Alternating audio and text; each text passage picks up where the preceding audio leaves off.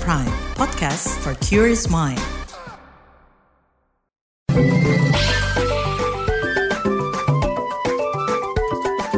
WhatsApp Indonesia.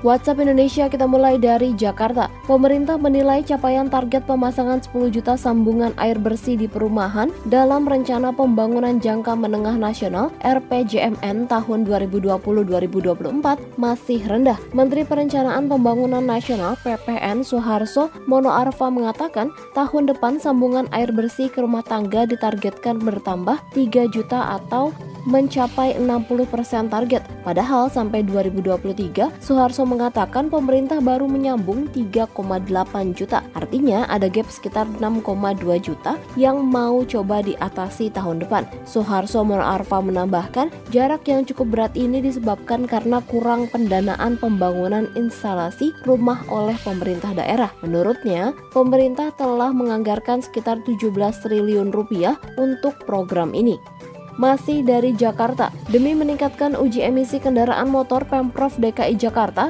terus mendorong pengenaan tarif parkir tinggi bagi kendaraan yang belum atau tak lulus uji emisi. Kepala Dinas Perhubungan DKI Jakarta, Syafrin Liputo, memaparkan di awal ada 10 lokasi parkir dan pekan ini sudah meningkat jadi 25 lokasi. Meski sudah bertambah, Syafrin mengaku Pemprov Jakarta masih menargetkan 65 lokasi parkir mahal bagi kendaraan yang belum dan tak lolos uji emisi. Syafrin mencontohkan tarif parkir tertinggi kendaraan roda 4 adalah Rp5.000 per jam. Padahal normalnya tarif parkir sekitar Rp3.000 di satu jam pertama dan Rp2.000 di jam berikutnya. Selain tarif parkir mahal, Pemprov Jakarta bakal menggencarkan tilang uji emisi per 1 November nanti.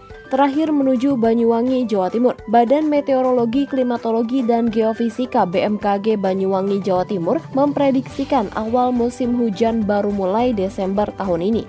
Prakirawan BMKG Banyuwangi, Agung Dwi Nugroho mengatakan penyebabnya adalah fenomena kemarau panjang dari El Nino. Kondisi tersebut juga mengakibatkan kekeringan, kekurangan air bersih, gagal panen, serta kebakaran hutan dan lahan atau karhutla. Dwi Nugroho mengimbau masyarakat mengantisipasi terjadinya karhutla pada musim kemarau panjang ini. Selain itu, masyarakat juga diminta lebih bijak memanfaatkan air bersih agar tidak terjadi krisis air bersih. Demikian WhatsApp Indonesia hari ini.